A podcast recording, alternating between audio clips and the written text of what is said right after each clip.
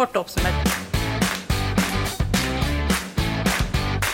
Hei, jeg heter Silje Kjosbakken. Jeg er andre nestleder i Rødt. Jeg har egentlig alltid vært en som har holdt meg unna politiske diskusjoner og politisk engasjement. Det, vært, det er ofte veldig kompliserte saker som legges frem i media. Det er vanskelig å liksom, få alle detaljene, sette seg inn i ting.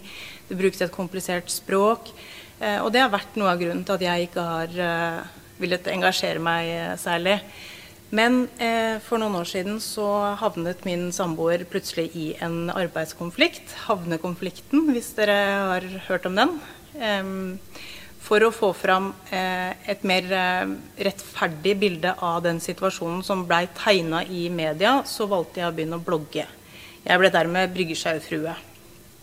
Eh, det var mitt mål på en måte for å forenkle og vise sannheten, vise hvilken kamp vi faktisk sto i. Eh, det var en kamp om rettferdighet, og det var en kamp for å beholde eh, opparbeida rettigheter.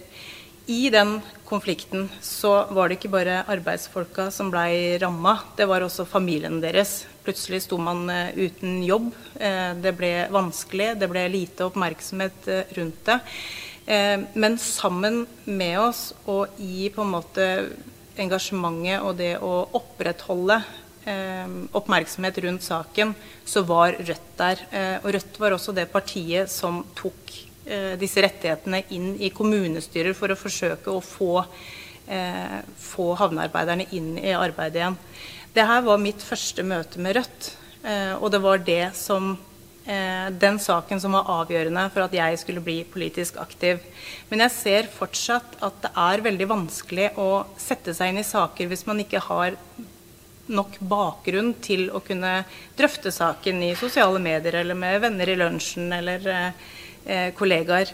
Eh, så mitt mål med den videoserien her er på en måte å forklare saker, eh, oppsummere kort Eh, med et enkelt språk og eh, kortfattig sammendrag av hva som egentlig skjer i det politiske landskapet i dag.